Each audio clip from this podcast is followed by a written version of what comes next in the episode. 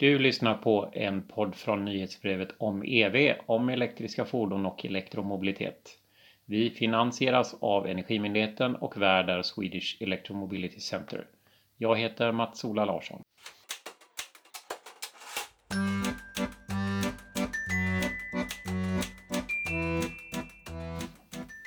Idag ska vi träffa Peter Bryntesson, nybliven VD för FKG och prata med honom om hur underleverantörer påverkas av elektrifieringen. Eh, tyvärr så har min riktiga ljudinspelare gått sönder så jag får banda det här med min telefon och jag beklagar den sämre ljudkvalitet som detta medför. Hej och välkommen Peter till podden och först av allt berätta för oss vad FKG är för någonting. FKG, vi är en eh, branschorganisation för eh, alla leverantörer i Sverige till fordonsindustrin.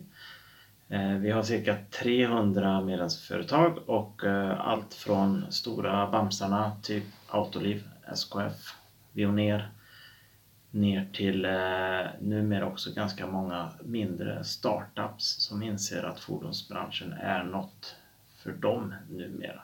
Mm. Och startup, vad är det man kan tänka sig starta upp då för något? Vi håller på att byta bransch. Vi går från eh, tillverka fordon till eh, att tillverka mobilitet och i det ingår väldigt mycket data, datahantering och sånt. Mm. Så det, eh, vi ser faktiskt en hel del nya bolag med nya tjänster, nya idéer som vi aldrig haft i fordonsindustrin tidigare som kommer in och blir medlemmar hos oss för att man måste ändå förstå hur fordonsindustrin och branschen fungerar och det går inte att ringa till Volvo Cars reception och bli kopplad till någon som förklarar hur branschen fungerar utan då kommer de gärna till oss. Då, då ringer de till er reception istället? Ja, precis. Ja. Du, vi, ska ju, vi har ju fokus på elektromobilitet, eh, omställningen till elektriska fordon och sådär. Och eh, då är vi ju nyfikna på hur detta påverkar era medlemsföretag. Och jag förstår att det finns många olika. Eh, men om du vill ge några bilder av det, finns det någon generell trend eller är det, är det något du vill lyfta fram? Det påverkar naturligtvis mycket, det är helt klart. Men vi ser en väldigt tydlig uppdelning nu mera mellan lätta fordon och tunga fordon. Om man ser personbilar och eh, ja, gods, alltså lastbilar och bussar och sådär. Tidigare har vi inte sett så stor skillnad egentligen förutom volymer, att det är högre volymer på personbilssidan jämfört med lastbilssidan. Men vi, vår del av branschen, vi har ju cirka det finns ungefär 1400 bolag i Sverige som levererar artiklar till fordonsbranschen. Vi har tre stora OMer och eh, vi ser väl hos oss så är cirka 65 procent av bolagen fokuserar mer mot tunga industrin. Och där ligger elektrifieringen lite senare. Även om den har kommit igång så är ju elektrifieringen på personbilssidan betydligt snabbare. Till skillnad mot eh, automation och självkörande fordon. Där är däremot eh, tunga sidan, lastbilssidan, betydligt längre fram än vad personbilssidan ligger. Då. Så det har en påverkan och eh, men elektrifiering är bara en liten del av allt som händer och sker. Jag skulle vilja säga att det första vi gör i, i personbilssidan är att effektivisera hela systemet. Det är helt klart att planeten inte klarar av att vi bara använder personbilen 4% av dess tid. Mm. Och att vi transporterar i snitt, jag tror det är 100 kilo ungefär med ett produkt som väger 2 ton. Och vi kör i snitt 1100 mil med personbil eh, i Sverige idag. Så det är steg ett, att vi måste eh, göra systemet personbilförflyttningar mycket mer effektivt först. Och eh, därmed det som är kvar kommer sedan att elektrifieras. Så vi brukar säga så här att volymerna i fordonsbranschen kommer gå ner men omsättningen kommer gå upp. Och där har man lite kärnan i det vi kommunicerar och jobbar med våra medlemsföretag. Och då låter det som att det egentligen är två ganska stora förändringar hos dina medlemsföretag. Det ena är den här med omsättning, eller egentligen tre då. Det andra är en ökad differentiering mellan lätta och tunga där det, det inte är lik, man kan inte dra lika, ha lika stora driftfördelar med att jobba med båda. Och det tredje är den här omställningen från en, den gamla tekniken till den nya elektrifiering. Mm.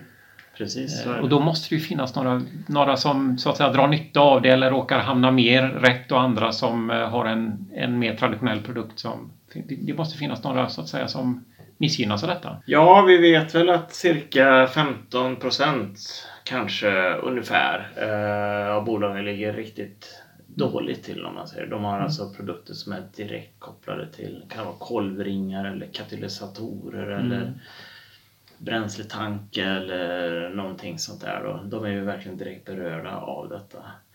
Eh, men sen har vi en ganska stor andel bolag, eh, mellanstora bolag som gör konsoler och säten och eh, annat som man också behöver när man elektrifierar. Men det är ju så att de bolagen berörs ju också av elektrifiering. Mycket på grund av att affärsmodellen i sig ändras. Vi har ju idag en ganska enkel affärsmodell i branschen. Vi går från en TIR 2, alltså en- en leverantör som gör en, en artikel, levererar till en TIR 1 alltså som bygger upp till ett system. Det kan vara en panel eller stol eller liknande. Den leverantören i sin tur levererar till en fordonstillverkare och sätter upp till ett fordon och som säljer det till, till en kund. Och det är en ganska rak och fin kedja som har varit ganska skyddad. Mycket på grund av förbränningsmotorn faktiskt. För att den har, eh, den har ganska komplicerad och det är svårt att eh, bygga. Eh, Och du kanske har hört talas om cirkularitet. Mm. Det är ett sådär käckt ord som Det är ett ord som förekommer lite oftare nu än förr tror Ja, jag. exakt, precis. Och den raka kedjan jag beskrev Ja, för dig är ja. inte cirkulär Nej. någonsin.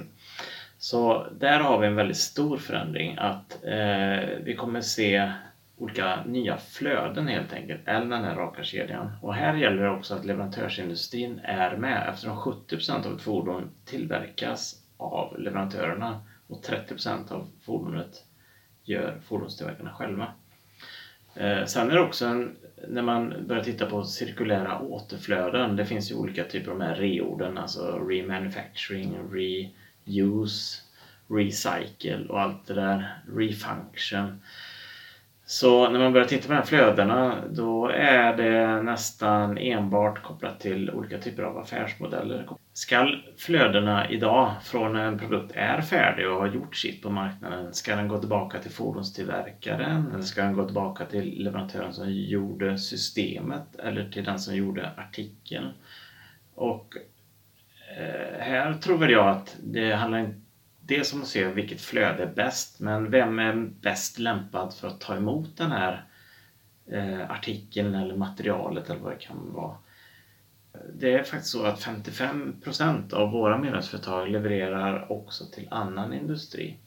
Så det kan vara vettigt att leverantörerna faktiskt tar hand om vissa material för att sen eh, göra vägskyltar eller galgar eller någonting annat som inte har lika hög kvalitetsnivå. Och hur man än egentligen vänder och vrider på elektrifiering av fordon eh, eller elektrifierad mobilitet i framtiden så landar vi i att affärsmodellen ändras och att vi behöver ha ny kompetens till, till branschen.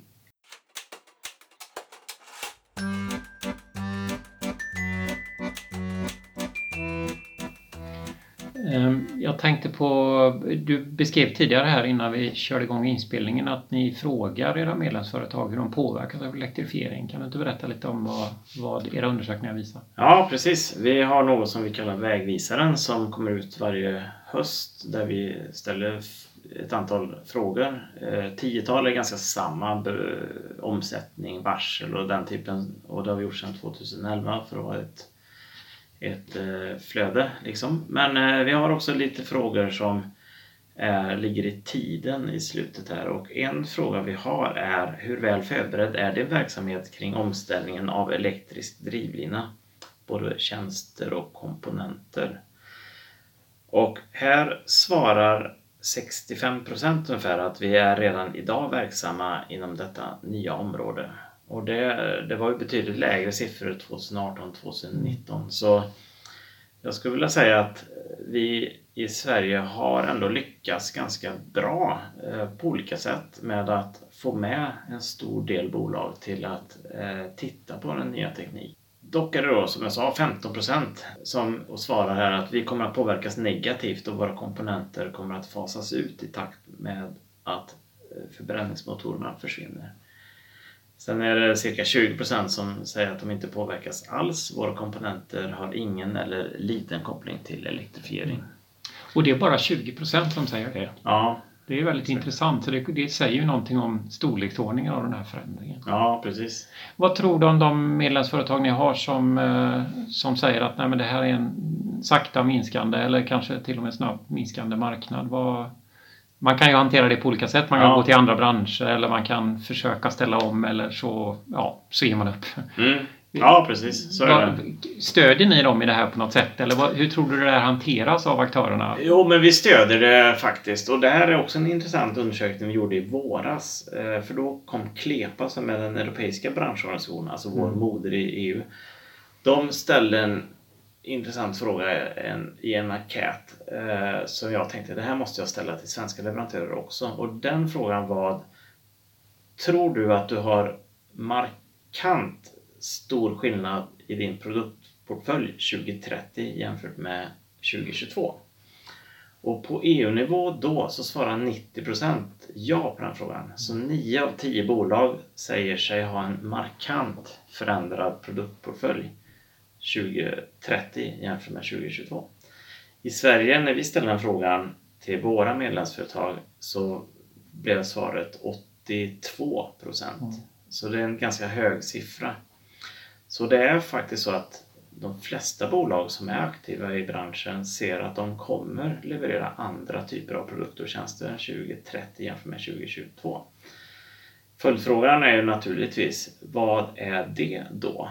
Och i det svaret, för att få reda på det svaret, så krävs det kompetens. Och inte bara teknisk kompetens, utan också kompetens om branschen och framtidens kunder. Och här tror jag vi som branschorganisation har en väldigt viktig uppgift att fylla, speciellt för medelstora ner till mindre bolag som inte har resurser själva att titta eller skapa eller köpa en kristallkula för att se hur det ser ut i framtiden. Jag hade ett, en presentation för ett bolag som är aktiv inom katalysatorbranschen. Och eh, det jag ville säga till dem det var att deras produkter inte har någon framtid eh, inom en tioårsperiod. Men det var de rätt så medvetna om själva. Däremot så sa jag till dem att deras företagsvision är ju att rena saker och ting. För det är vad en katalysator gör. Mm. Och att rena saker och ting, det ligger extremt rätt i tiden. För miljötänk, hållbarhet är oerhört starkt nu och kommer att så vara. Men de har fel produkt bara. Och då startar deras workshops efter det i en helt annan riktning än vad de kanske hade tänkt sig. För det, och det, så det, det tyckte jag var ett ganska bra exempel. Att, att man kan använda sin kompetens, man kan använda sin maskinpark som man har jobbat med kanske i 50, 60, 70, 100 år. Men man måste titta in på lite nya sätt, nya produkter helt enkelt som marknaden kommer att behöva. För vissa, mark- vissa produkter kommer försvinna. Definitivt. Tror du att eh, den här eh, proportionen mellan små, medelstora och större företag, kommer den, finns det någonting i elektrifiering som gör att det är mer eller mindre gynnsamt att vara stor respektive liten? På ett sätt gör det och vi ser faktiskt också en förskjutning. Eh, De mindre bolagen minskar i antal. Så vi har en, en, eh, en, större andel större bolag helt enkelt. Och vad beror detta på? Jo, i mångt och mycket beror det på att de går bättre och bättre helt enkelt. Men eh, jag tror väldigt ofta på att man köper upp varandra och går ihop. Eh, för man måste nog ha en viss storlek ändå för att kunna hantera en så här stor förändring som vi står inför. Lastbilssidan är egentligen ganska bra rustade för framtiden. Dels så är de ganska effektiva. Vi nyttjar lastbilarna i snitt 30-40% av totala tiden. Den körs av ett proffs. Den ägs av en operatör och eh, är ett ganska effektivt system egentligen. Det är därför vi har ganska låga priser på, på logistik och transporter i, idag. Och det tror jag vi behöver nå även med eh, personbilssidan.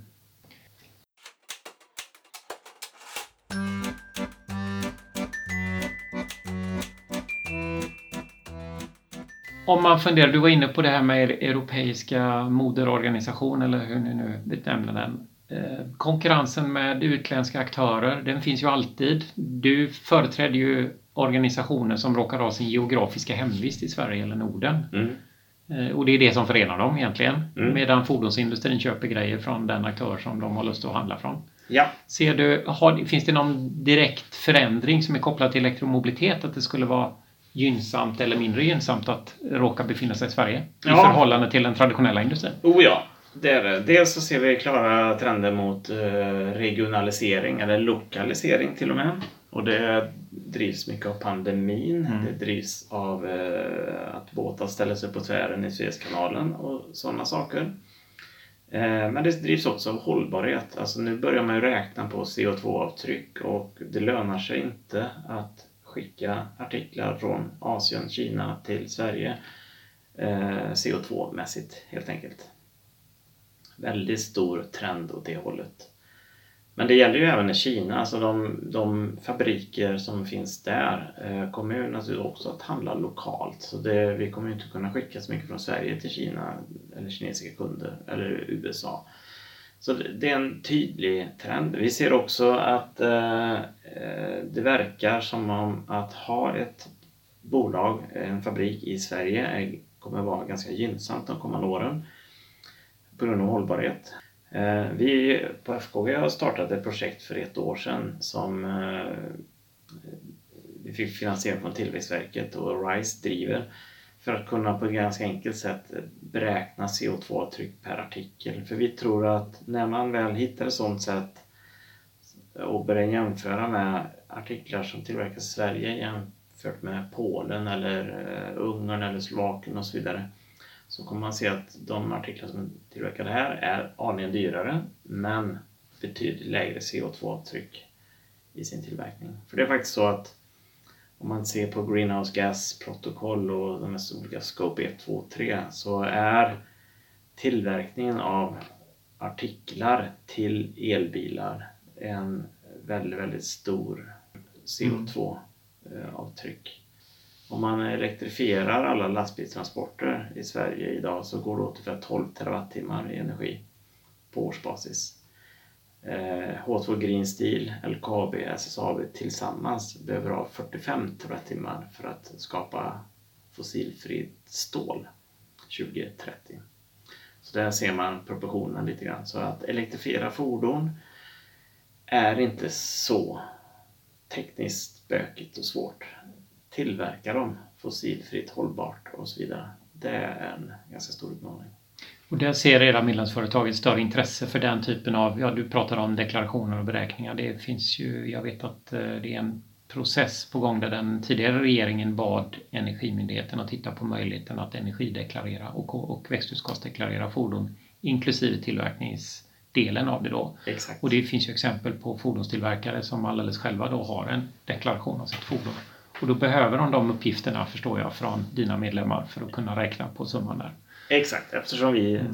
tillverkar 70% av ett fordon så är det väldigt viktigt att vi kan detta mm, också. Mm, och att vi kan leverera detta till... Så det är en typ av kompetensbehov egentligen även det då, att kunna och, räkna på ett korrekt sätt? Återigen landar vi i rutan eller lådan kompetensbehov, ja. ja.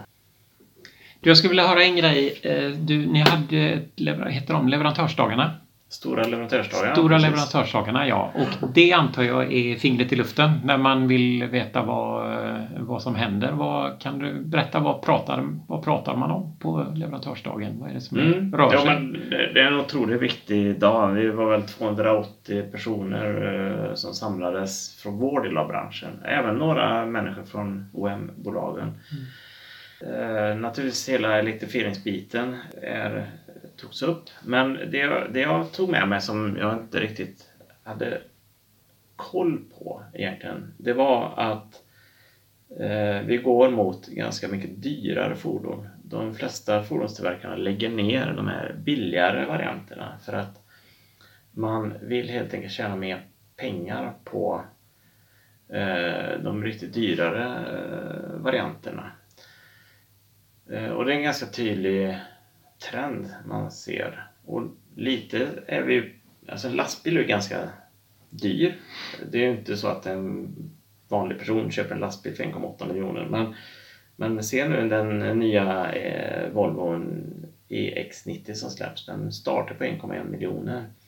Det är ganska mycket pengar egentligen. Mm. Uh, och så här, här kommer vi se en ty ny typ av ägandeform tror jag, hur vi kommer att eh, ja, vi, vi behöver använda fordonen mer för att få ner kostnaden per kilometer. För ingen människa, eller väldigt få i alla fall, har ju råd att köpa en bil för 1,1 miljoner och låta den stå parkerad 96 procent av dess tid. Och jag tror att det är så att Mercedes lägger ner helt sin A-klass, alltså den minsta varianten. Eh, sen tycker jag också det var väldigt intressant att lyssna på Kjell från Volta. Volta gör ju en elektrisk lastbil för leveranser i, i stadsmiljö. Och eh, de eh, har sin serieproduktionsstart i början 2023, nu i Q1 2023. Bolaget startade 2019 och det, det är inte en, någon lång tid att utveckla en lastbil Nej, från vitt papper till att starta serieproduktion. Nej. Och eh, vi hade Scania på talarlistan också och i deras värld är det ju ej görbart för mm. att de har en tradition och en, en kultur och en bemanning egentligen som gör att det, det går inte att göra det så fort. Så det, det tror jag också var en sån där liten ögonöppnare för många där att tempot eh, är enormt mm. just nu i omställningen. Mm. Sen var du inne lite på EU och den biten. En sak jag tänkte säga då som jag inte sa är ju faktiskt, som vi också ska ta på allvar, eh, Kina och kinesiska bilmärkens intåg på EU-marknaden. Jag vet att eh, våra kollegor i branschen, Mobility Sweden som, som eh, branschorganisation för fordonstillverkarna, de har ju fem förfrågningar på kinesiska bilmodeller som vill, eller bilmärken, bilfabrikat som vill in på svenska marknaden. Så det är inte bara det att volymerna kommer att gå ner utan den kommer också delas av fler spelare på, på marknaden. Så eh, de bolag i Sverige som har för vana och sedan 50-talet har levererat artiklar till Volvo Cars Eh, kommer nog att behöva titta sig om lite efter andra kunder också. Och eh, med detta så tackar vi dig Peter Bryntesson så mycket från FKG. Eh, vi som har eh, gjort det här det är jag som heter Mats-Ola Larsson och vi ger ut nyhetsbrevet om EV som finansieras av Energimyndigheten och Värd Swedish Electromobility Center.